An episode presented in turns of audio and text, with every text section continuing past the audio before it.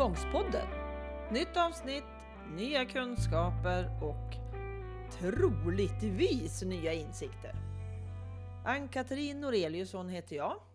Driver Familjebalans, Tvångspodden och OCD-hjälpen för anhöriga. Gäst i det här avsnittet är Frida. Vi samtalar om OCD i kombination med autism hos barn. Vill du öka kunskapen om OCD? Det kan jag hjälpa dig med.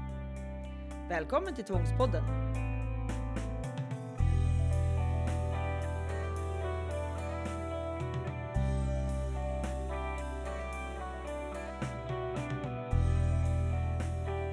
Hej Frida!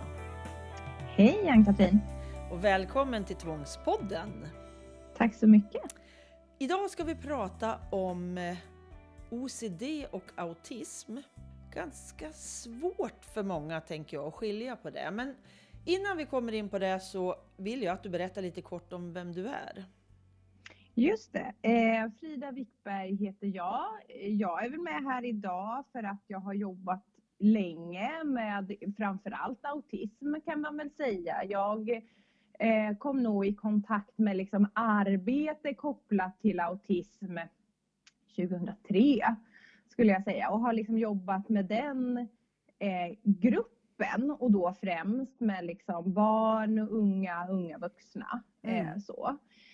Sen så har jag jobbat inom barnpsykiatrin eh, sen 2010 eh, och jobbar sedan eh, sju år tillbaka på en mottagning som jobbar med eh, OCD och relaterade tillstånd och där träffar vi eh, många ungdomar och barn som också har autism. Det är stor samsjuklighet. Mm, Så där har jag jobbat i, i sju år och är mottagningschef. Så att jag har ganska mycket erfarenhet av, av både OCD och, autism kan man mm, väl säga. Mm. Och du finns ju i Stockholmsregionen. Jag finns i Stockholmsregionen. Eh, privat är jag gift, tvåbarnsmamma som bor utanför eh, stan. Eh, tycker om att idrotta, eh, tycker att det är väldigt tråkigt mm. med mm. social distansering och är ganska rastlös just nu men, men eh, ja, har väl ganska vanliga intressen. Sådär. Tycker om att träffa folk och, mm. och vara ute och röra på mig. Mm. Precis. Precis. Och det, jag tänker ju direkt då när du säger röra på dig. Det är ju det som är en kärna, tänker jag, till må, bra mående. Om man har olika Verkligen. funktionsnedsättningar, mm. tänker jag. Verkligen. Vi alla mår ju bra av det, men där visar det ju väldigt tydligt, tänker jag, att jag mår bättre om jag rör på mig. Just det. Mm. Så. Men vi ska prata OCD och autism. Ja. Och först så har ju jag en fråga då. Men hur kan det se ut om jag har OCD och autism? Har du liksom, när du möter någon, något barn, ung, mm. Mm. Liksom, hur kan det se ut? Kan du beskriva det?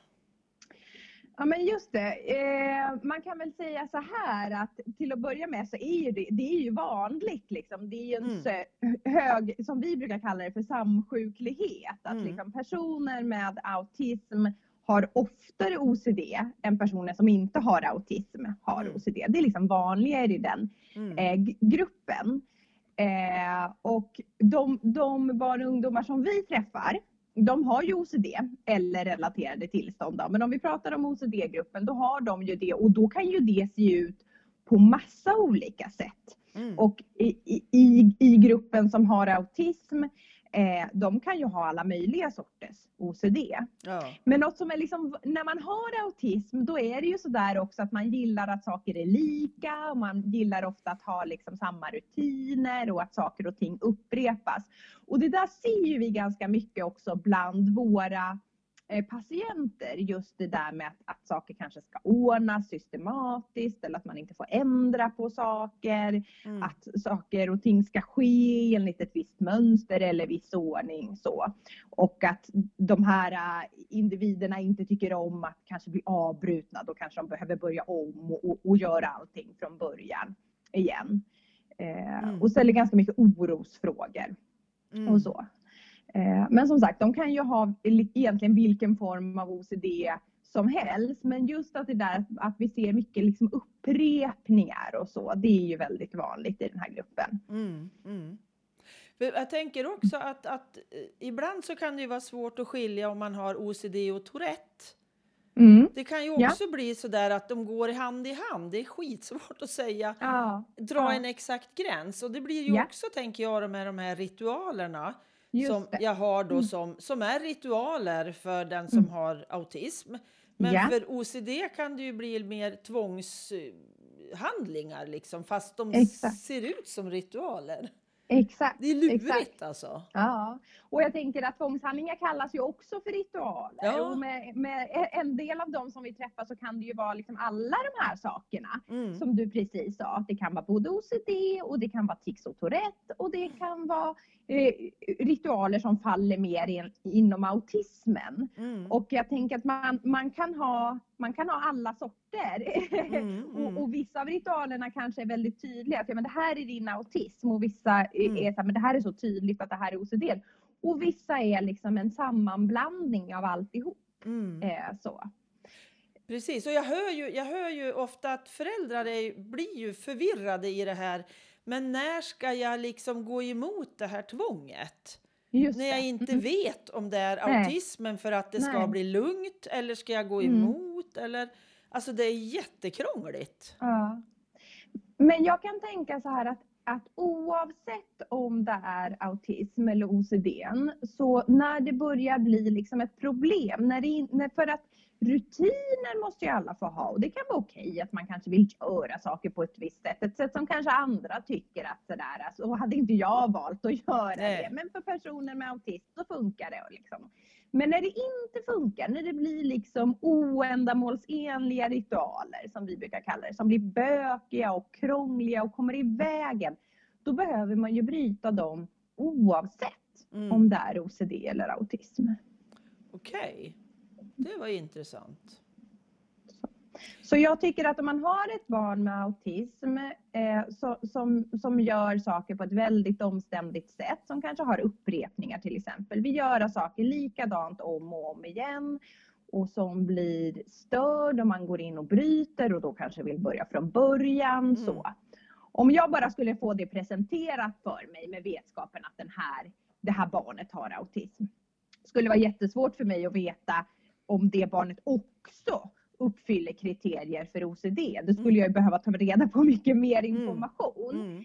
Men jag tänker att oavsett det så, så kan man ändå gå in och försöka liksom rucka på det där och hjälpa barnet att hitta andra sätt att mm. göra som funkar bättre. Och då behöver man inte alltid veta är det OCD eller är det autism? Man kan ändå gå in och försöka hjälpa, hjälpa barnet att styra upp det där, tänker jag. För att om du har autism så har du också svårt att bryta liksom invanda mönster och du har också svårt att föreställa dig att man kan göra på ett annat mm, sätt. Mm. Och det är också det som gör att det här vidmakthålls, att, att man har svårt att på egen hand liksom ta sig ur och då kan man behöva bli liksom erbjuden ett annat sätt utifrån. Så. Och då tänker jag att man som förälder inte behöver vara så himla rädd för att, men tänk om det är autismen. Ja men även om det är autismen ja. så behöver vi göra något åt det här om det är ett problem. Ja, ja när det blir ett hinder i vardagen. Exakt, Precis. det är inte så att man ska få hålla på med alla sina ritualer bara för att man har autism, utan jag tänker att man, man ändå kan behöva gå in och bryta. Exakt, för jag tror det är det många gånger man fastnar i, liksom att autismen, det, de ritualerna, det måste man få hålla på med för det gör mig trygg. Men OCD ska gå emot. Men alltså det där var ju fiffigt att man faktiskt kan tänka att när det är ett hinder, då behöver jag göra något åt det. Just det. Och jag tänker att det är jättefint också liksom att föräldrar och anhöriga kan ha acceptans för att ens barn kanske gör saker som, som kan vara lite udda men som man ser att det här är inget problem. Låt, låt barnet hålla på med det. Mm, liksom. mm. Det är ju jättefint. Man behöver inte vara där och peta på varenda liten grej. Men när det blir ett problem så tänker jag att, att man måste vara trygg i att, att det här kan jag gå in och hjälpa till och rucka på. Liksom. Och det är inte farligt bara för att mitt barn har autism. Men man behöver göra det kanske på ett väldigt strukturerat sätt och med mycket förutsägbarhet. Mm, så. Mm. Eh, men det är inte så att, att, att man ska liksom tillåta alla ritualer bara för att barnet har autism. Tänker jag. Nej. Men alltså hur, hur, hur kan det se ut då när, för jag tänker mig att det här är ju föräldrarna som behöver lära sig. Mm. Hur har ni utbildningar, typ föräldrautbildningar där man får som förälder liksom lära sig hantera både sina egna funderingar och oro och allt det här liksom. Och hur ska jag göra? Det blir ett frågetecken för många. Ja visst. Eh, vi har inte sådana regelrätta utbildningar. Det är så här, så här skiljer du på autism och OCD. Vi har utbildningar om OCD. Mm. Däremot så i, i våra behandlingskontakter för de här barnen och ungdomarna som har både OCD och eh, autism, då blir det ju eh, eh, ofta att det involveras. Att man, för jag menar föräldrarna är ju också väldigt involverade i, Mm. i behandlingen och då lär de sig också längs vägen Okej, ja. liksom, att skilja på det. Det går parallellt liksom. Barnet och föräldrarna och ni Ja, de- jobbar med dem tillsammans liksom. Ja, exakt, exakt. Mm. Precis. Så då blir de experter liksom på, på vägen så att säga. Mm. Mm. Intressant. Jag tänkte på det här med hur, hur om det kommer, det, vi säger så här att jag ringer och har en problematik. Jag vet inte vad jag ska göra. Nu är det liksom ritualer från morgon till kväll och jag blir galen snart som förälder. Mm. Mm. Vad händer då? Vad, vad liksom, vad, vad, vad, vart ringer jag först, tänker jag. Ja, eh, du menar att så här, du har ingen vårdkontakt och du vill ha en vårdkontakt? Ja, typ För- så. Ja, Mm. ja okej. Jag tänker att då beror det ju på vart i landet du bor då. Mm. Eh, så. Eh, var, det, var det svar på frågan? Ja, lite, vi säger så här. Jag bor i, jag bor i Solna. Ja, du bor i Solna. För så här, nej men överlag kan man väl säga att så här, om, om du söker för eh, OCD, om du tänker att så här, men det, här är en, det här har nog med liksom psykiatri att göra, det här Mm. tror jag är ångest, det här är, nog tvång eller tics eller så. Ja. Då vänder du dig till eh, liksom, barn och ungdomspsykiatrin. Mm. Så. När, när det handlar mer om att här, vi behöver hjälp med, med kring autismen, då är det ju habiliteringen Mm. eh, som, som sköter det. Och sen så kan det finnas lite liksom, diffar ute i landet kring hur det där är ja, uppdelat. ja. Och jag kan inte hur alla regioner har Nej. delat upp det. Men på det stora hela ser det ut så. Eh, och om du bor i, i Region Stockholm, Mm. eh, då vänder du dig till BUP. Och just nu så ser det ut så att BUP har liksom en gemensam, BUP i Stockholm har en gemensam eh, vårdportal som man vänder sig till. Så du ringer till något som kallas för en väg in. Det är meningen att alla patienter ska ha samma väg in till BUP. Och då ringer man dit och så får man prata med någon som, som gör Antingen kanske de hänvisar dig och säger sådär, det där låter som att ni behöver vända er till rehabiliteringsmottagning eller det där låter inte som psykiatri, det låter som det här. Så. Mm. Men så kanske de tycker att Nej, men det här låter ju som, som någonting eh, för BUP. Eh, då kommer de att skicka er vidare till en lokal BUP-mottagning och troligtvis den i Solna. Mm. Eh, så. Okej. och sen eh, är det ju så att den mottagning som jag jobbar på, som jobbar specifikt med OCD och relaterade tillstånd, vi är en specialistmottagning som tar emot remisser från, från övriga BUP-mottagningar i Stockholm, men också ute i landet. Men, men självklart kommer den, de flesta av våra patienter från vår region. Men vi får även det som man brukar kalla för utomläns. Remisser eller utomregionsremisser, alltså patienter som kommer från andra delar av landet. Då kan man komma till, till eh, oss som är då en specialistmottagning. Så. Kanske Mm. om man inte, om man inte liksom, om man bedömer att problematiken är för svår för att komma till rätta med eh, på den mottagningen som man annars går till. Mm. Så om, så om man, din, din ursprungsfråga var hur gör man om man är förälder? Ja. Och jag skulle säga så här, man, man, börjar, man börjar söka liksom i den region man, man är och man söker till BUP och sen så om de då gör en bedömning att det här är inte psykiatri så blir man liksom hänvisad eh, vidare. Mm. Men, det, men det kan ju verkligen vara ett, ett liksom virvar det där Ja. att, att söka vård och vart vänder man sig. Men någonstans måste man börja nysta liksom. Ja men precis, och jag tänker Mm. det kan ju vara jättesvårt för en förälder att tänka när jag inte ens vet kanske vad autism och OCD är utan jag bara Just det. ser Just det. att det här är kaos hemma hos oss. Liksom. Ja, ja, men om man har ett barn som redan har en autismdiagnos Mm. som, där man har en habiliteringskontakt, då Mm. tänker jag att då kan man ju vända sig dit och, Mm. och se liksom, vad är problem med de här ritualerna. Vad tror ni att det kan vara? Mm. Kan det förklaras av autismen och vad ska vi göra i så fall? För det är ju fortfarande ett problem. Eller kan det vara så att det finns en tilläggsproblematik i form av OCD till exempel? Mm. Mm. Men du sa tidigare också OCD och relaterade tillstånd. Ja, Vad kan det vara för andra tillstånd om man tänker sig att är det, är det allting som, alltså de här relaterade tillstånden, är de Ja, alltid OCD, eh, vad ska jag säga då? när vi säger relaterade Ja. tillstånd Bra. Då, då är ju det det som man i diagnosmanualerna, det är som ett eget kapitel kan man säga. Man har liksom eh, förstämningssyndrom, alltså man har depression och de sorterar man för sig och så har man ångestdiagnoserna som man sorterar för sig. Eh, till exempel om eh, man är, har fobier eller om man är rädd i liksom sociala sammanhang eller separationsångest, att man är rädd att vara ifrån sina föräldrar och närstående. Så. Sen har vi det kapitlet som heter OCD och relaterade tillstånd. Mm. Så det är så att säga inte någonting som vi har uppfunnit att det här tycker vi är relaterat till OCD utan det är vad, vad man, liksom, de som har suttit, satt sig ner och ordnat våra diagnoser i Mm. diagnosmanualer. Det är vad de tycker är eh, relaterade tillstånd. Mm. Så. Och, och det är, vill du att jag, vill att jag berättar vilka de är? Ja, ja. Ja, ja.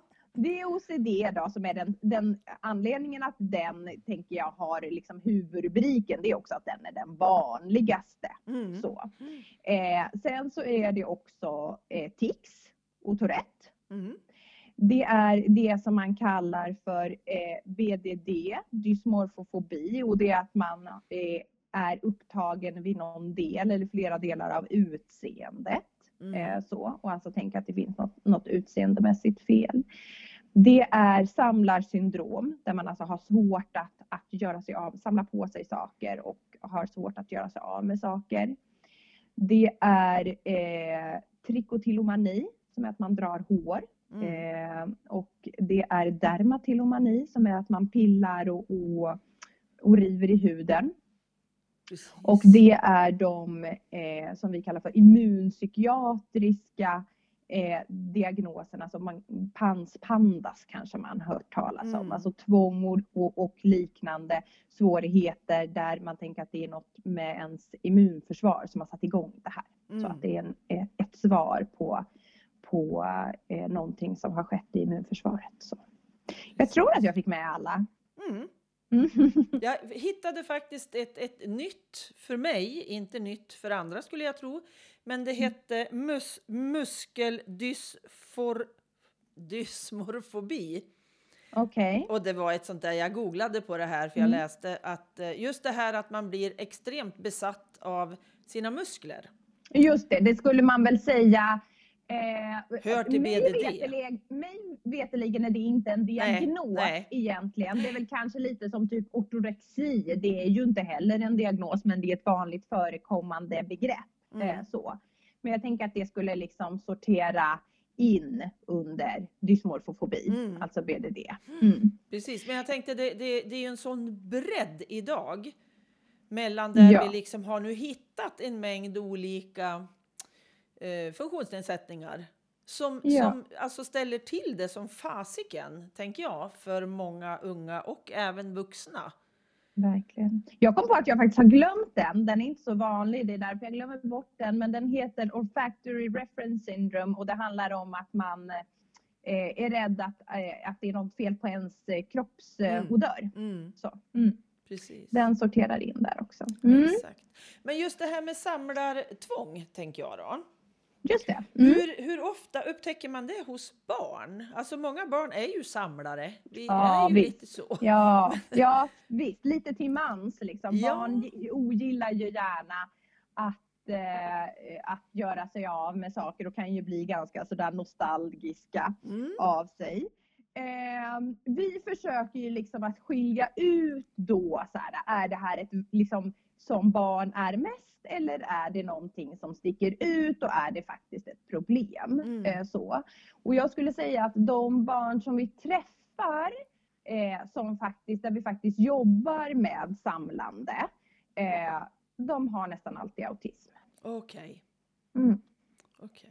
Mm. Jag har svår, det, är, det är klart att de säkert finns också, men jag har svårt att liksom på rak arm minnas några eh, som inte har haft det. Så. Och det jag tänker att autismen också spelar väldigt stor roll. Mm. Eh, att mm. man har svårt för förändringar och att man kanske också har svårt att liksom själv veta hur man ska organisera en sån mm. aktivitet mm. som att liksom rensa på rummet och så mm. vidare. Mm. Så. Och så tänker jag det här för, för hoarding då, som, som samlarsyndrom också mm. heter. Som vuxen kan det ju bli ett enormt problem, så det är ju mm. faktiskt ganska bra att ta tag i det redan som barn, tänker jag.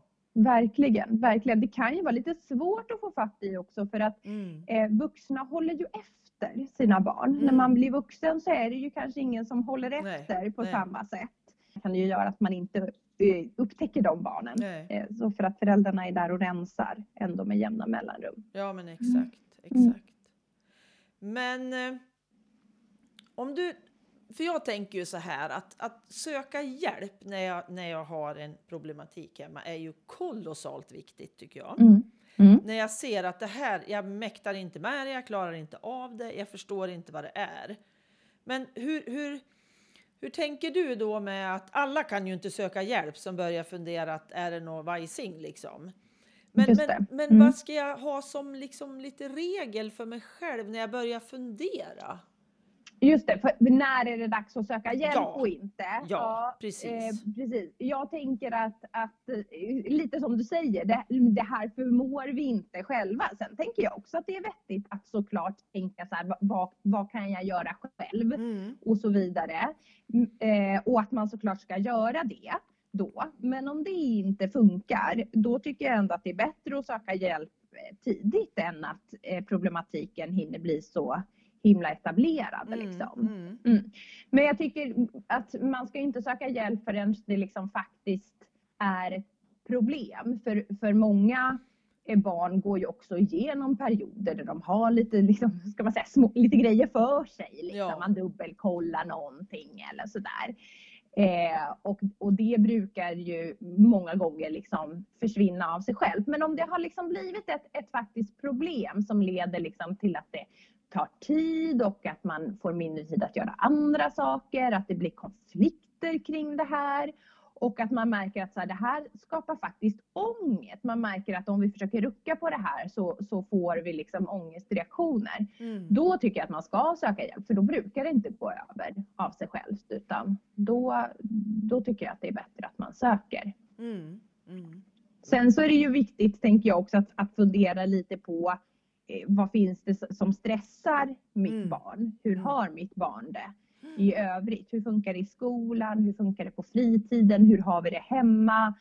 Eh, inte minst i autismgruppen, men även för andra ungdomar. För att eh, det är ändå så att, att stress föder, föder ångest och ja. föder OCD och tics som vi var inne på mm. förut är också superkänsligt för stress. Att, att man också kan göra fundera på sådana saker. Liksom. Ja, men absolut. För jag tänker att stress reducerar är ju kolossalt viktigt mm. Mm. för den här gruppen barn. För att uh, de är ju känsliga. Mm. Helt mm. klart. Men jag tänker på det här. Uh, man säger ju ofta att OCD försvinner ju ytterligt sällan av sig själv. Mm. Och uh, jag tänker liksom hur en timme om dagen säger man väl att eh, ja. då liksom eh, kvalar man in för en OCD-diagnos?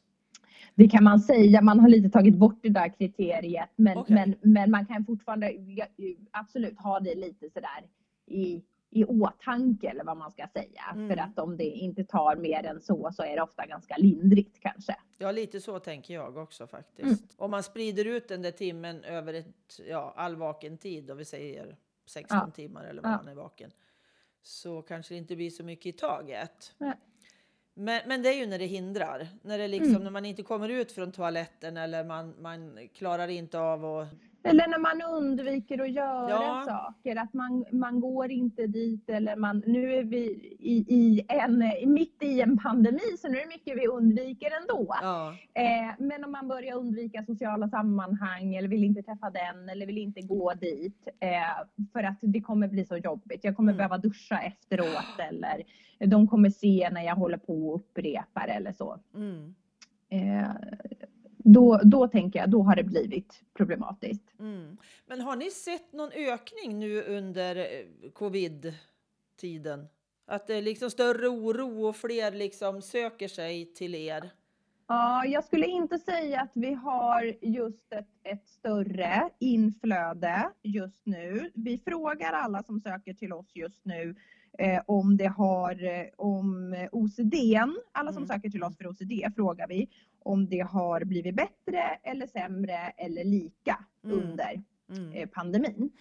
Eh, och vi har inte tittat liksom på de siffrorna än, men vi samlar in Ja. eh, den informationen.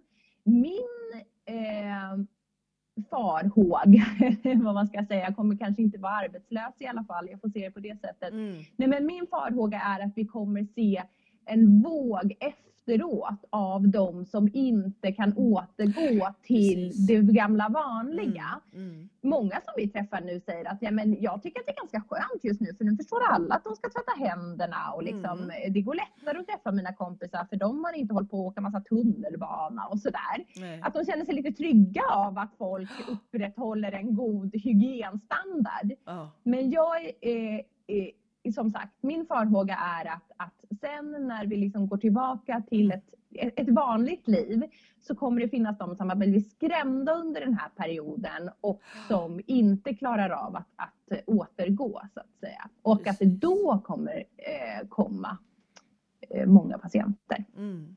Men, men det är ju bara min gissning. Ja. Men, men du, tror du vi kommer tillbaka precis där vi var innan? I vårt beteende? Jag tror inte det. Eh, ja, det är, ju, det är ju en supersvår fråga Ja, verkligen. jättesvår. Men liksom, Eh, jag tror ja. att vi, vi kommer... Alltså det, det är klart att vi kommer tillbaka till någonting. mm, Men jag tror mm. det kommer att ta tid.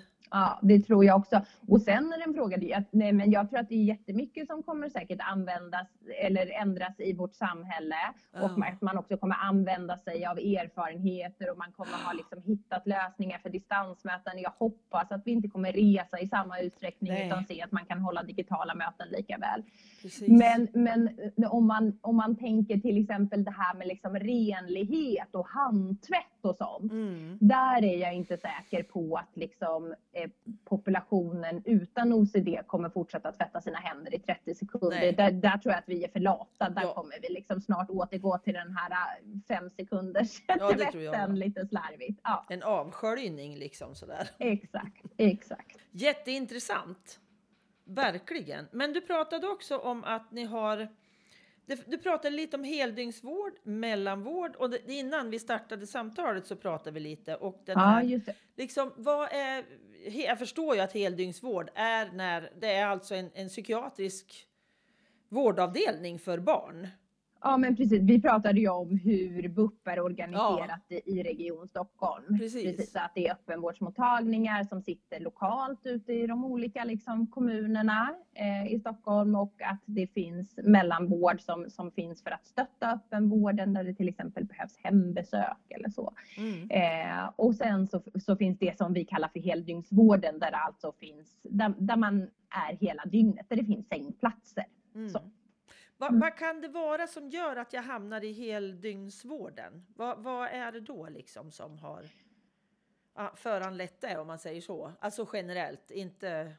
Ja, precis. Nej, men jag tänker att dels så finns det ju en, en kategori av patienter som inte, alltså som blir kanske far, farliga för sig själva, att de kanske Mm. skadar sig själva om de inte har uppsyn hela tiden. Alltså generellt kan man väl säga de som är, som är väldigt sjuka och där eh, man inte, det, inte räcker med liksom det, alltså att, att komma till en mottagning kanske max en gång i veckan för besök och att, att föräldrarna eh, stöttar utan att, att man behöver ha tillsyn liksom dygnet runt. Mm.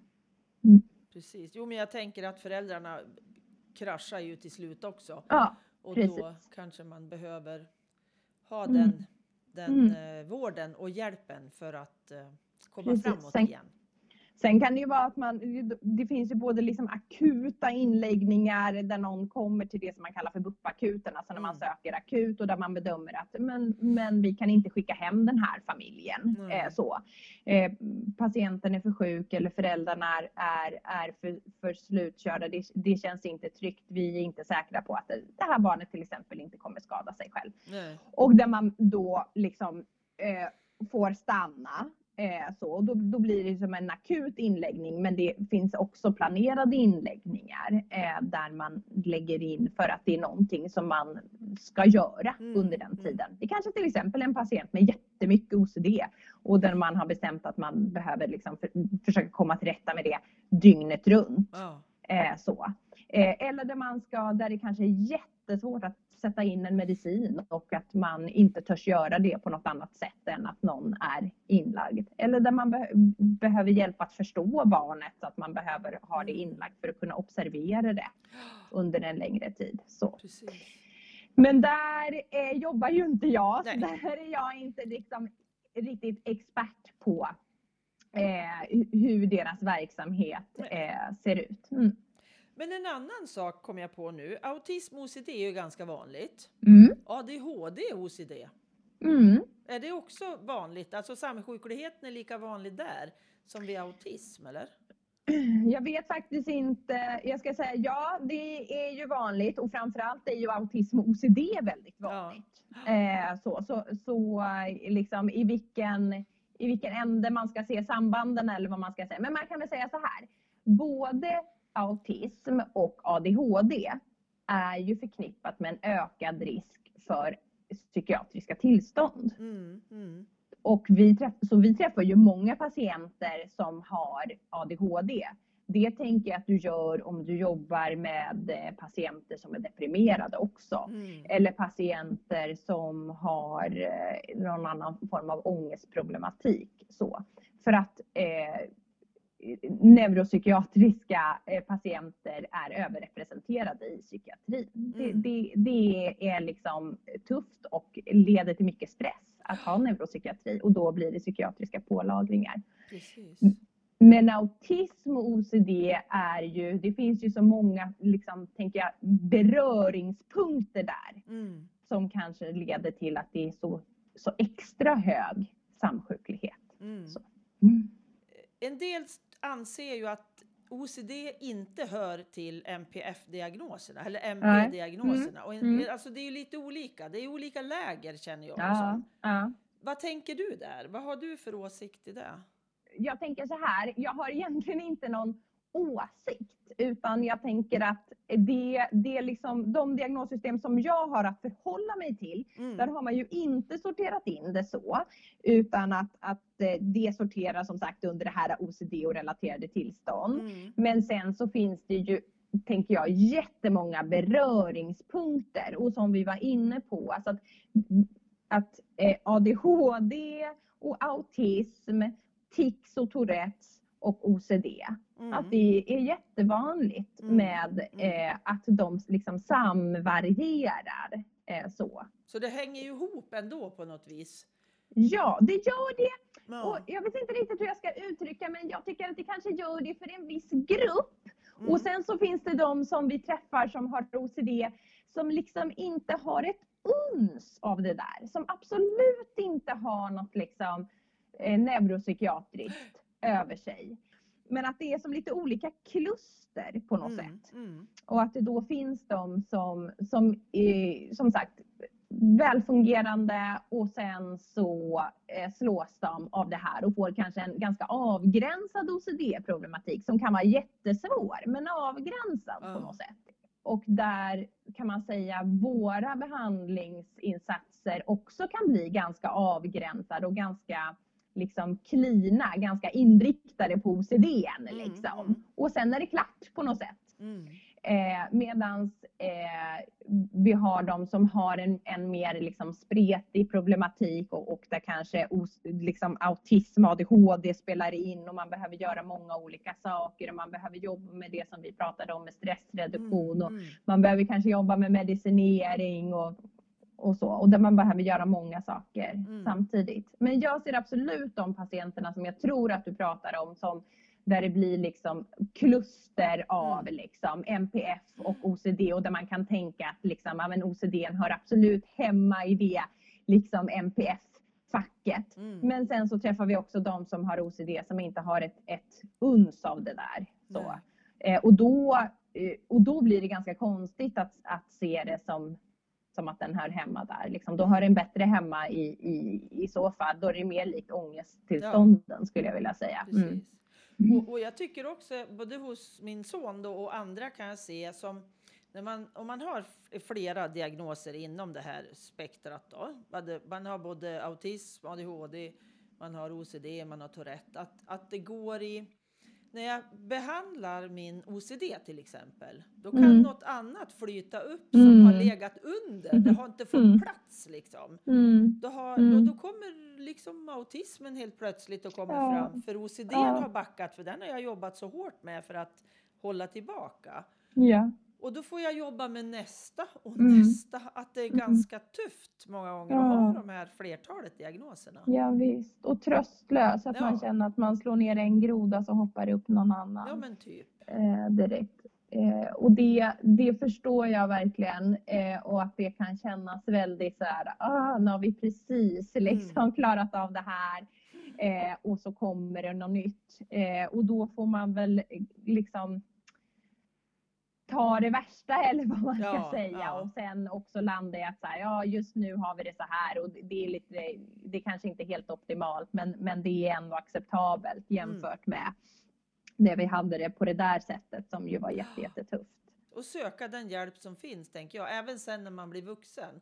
Att man fortsätter liksom att jobba med sin personliga utveckling är ju i det hela också tycker jag. Ja, och, och jag tänker att oavsett vad det liksom tar sig för, för uttryck, om det blir OCD eller tics eller något annat, mm. så, så tänker jag att, att du alltid har att vinna på att jobba liksom med, med basen, mm. som jag kallar att mm. ha liksom en fungerande, om det är skolgång eller jobb, alltså någon fungerande sysselsättning, att man har fungerande fritid, Eh, att man rör på sig, som ja. vi var inne på förut. Att man, att man också är fysiskt aktiv, att man äter, att man sover. Att mm. jobba med det där basala. Mm.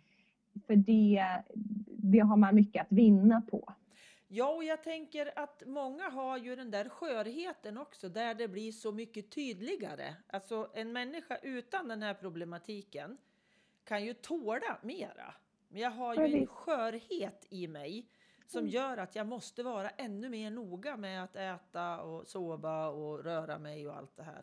Just det, för har man inte sovit till exempel så blir dagen ja, katastrof. Då blir det katastrof, ja mm. precis. Mm.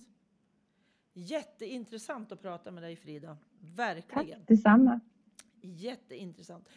Men nu ska vi avrunda. Mm -hmm. Är det något mer du tänker att vi behöver beröra eller trycka på lite mer eller något sånt där? Jag vet inte riktigt. Vi pratade ju någonting initialt lite sådär om, om likheter och skillnader mm. och hur man kan mm. veta vad som är vad. Liksom. Och, och jag tänker att det är ju en fråga som, som, eh, som väldigt ofta kommer till oss. Ja. Vad är det här? Är det här autism eller är det OCD?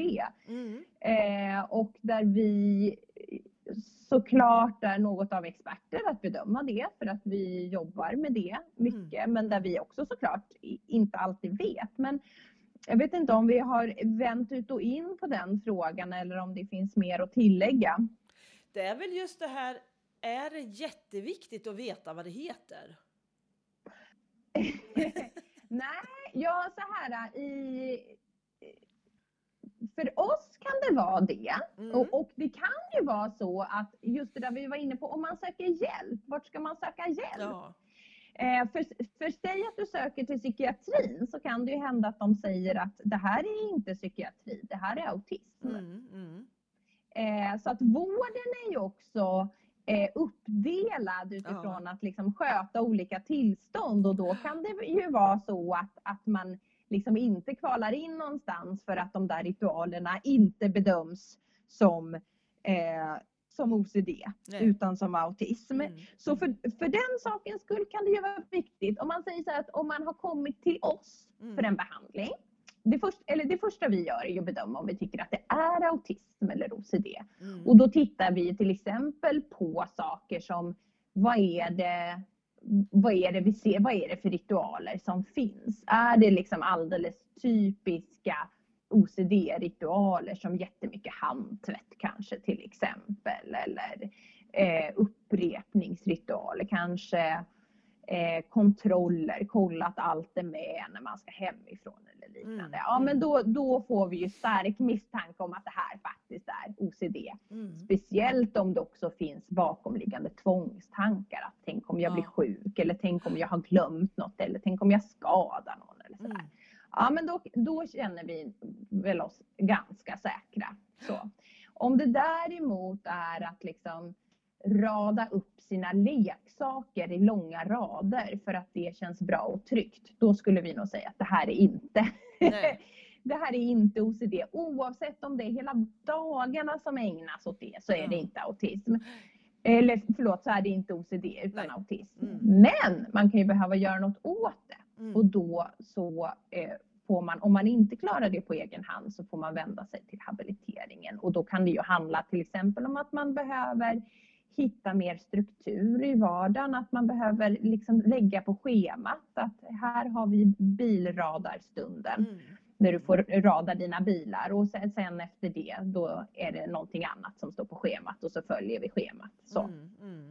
För att man, man kanske ändå inte kan ägna hela dagen åt att, att rada sina bilar även om det handlar om autism. Så, att säga.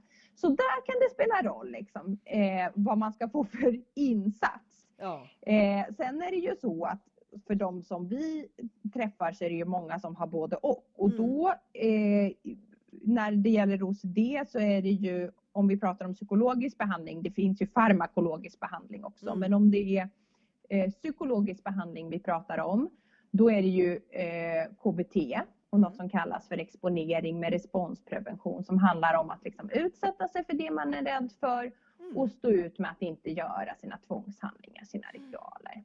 Då behöver man göra det.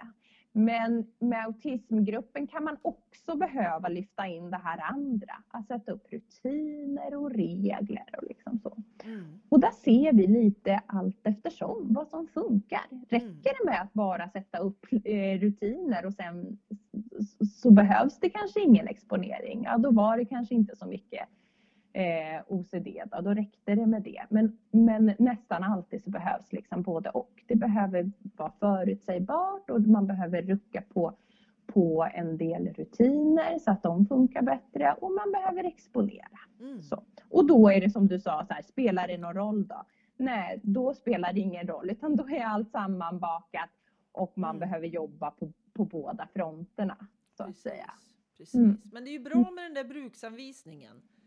Som jag tycker en diagnos kan vara. Att jag vet ändå att det här är autism och det är OCD. Fast Mm. de är sammanflätade. Ja, Så kan ja. jag liksom läsa på själv som förälder också tänker jag. Att jag behöver Just ju det. bli ganska insatt.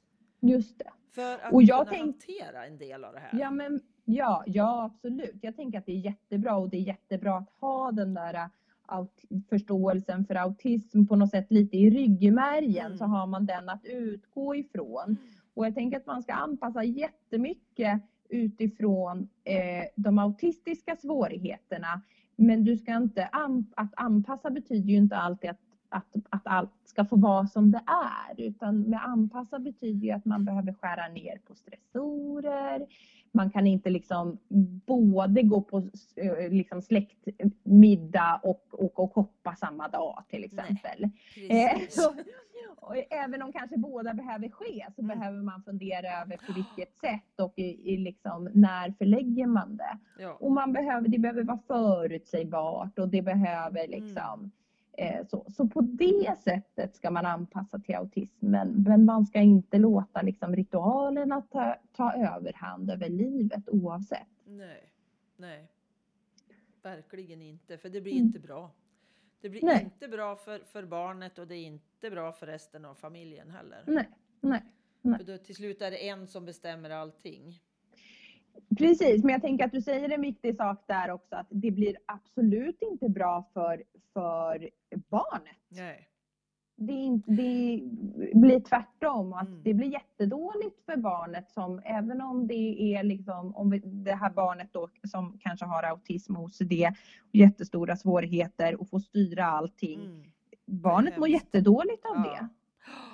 Det är inte bra alls. Så, men, men förmår sig själv liksom inte att ta sig ur det. Nej. Men att, att ha makt över att styra en hel familj, det är jättestressande. Mm, mm. Jo, vi hade det så en period när, när våran son var Mm. liten. Mm. Därför att till, till slut så gick man på tå för allting och till slut så insåg jag det att det här kommer att gå käpprätt åt skogen. Om inte vi gör någonting åt det liksom. Så att, eh, ja. Och det där är jättesvårt när man har fastnat i det också för Ja. det blir ofta väldigt stora liksom, protester när Mm, man försöker mm. rucka det där Mm. och, eh, och, och när man är så slutkörd så orkar man inte med de där stora protesterna. Nej, precis. Mm. Men det är viktigt att söka hjälp. Mm. Så är det.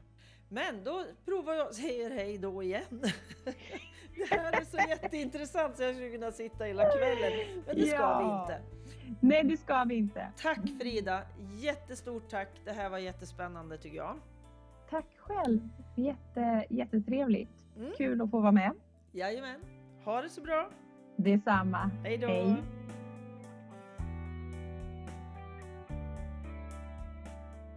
Vill du stötta vårt arbete med Tvångspodden så blir vi jätteglada.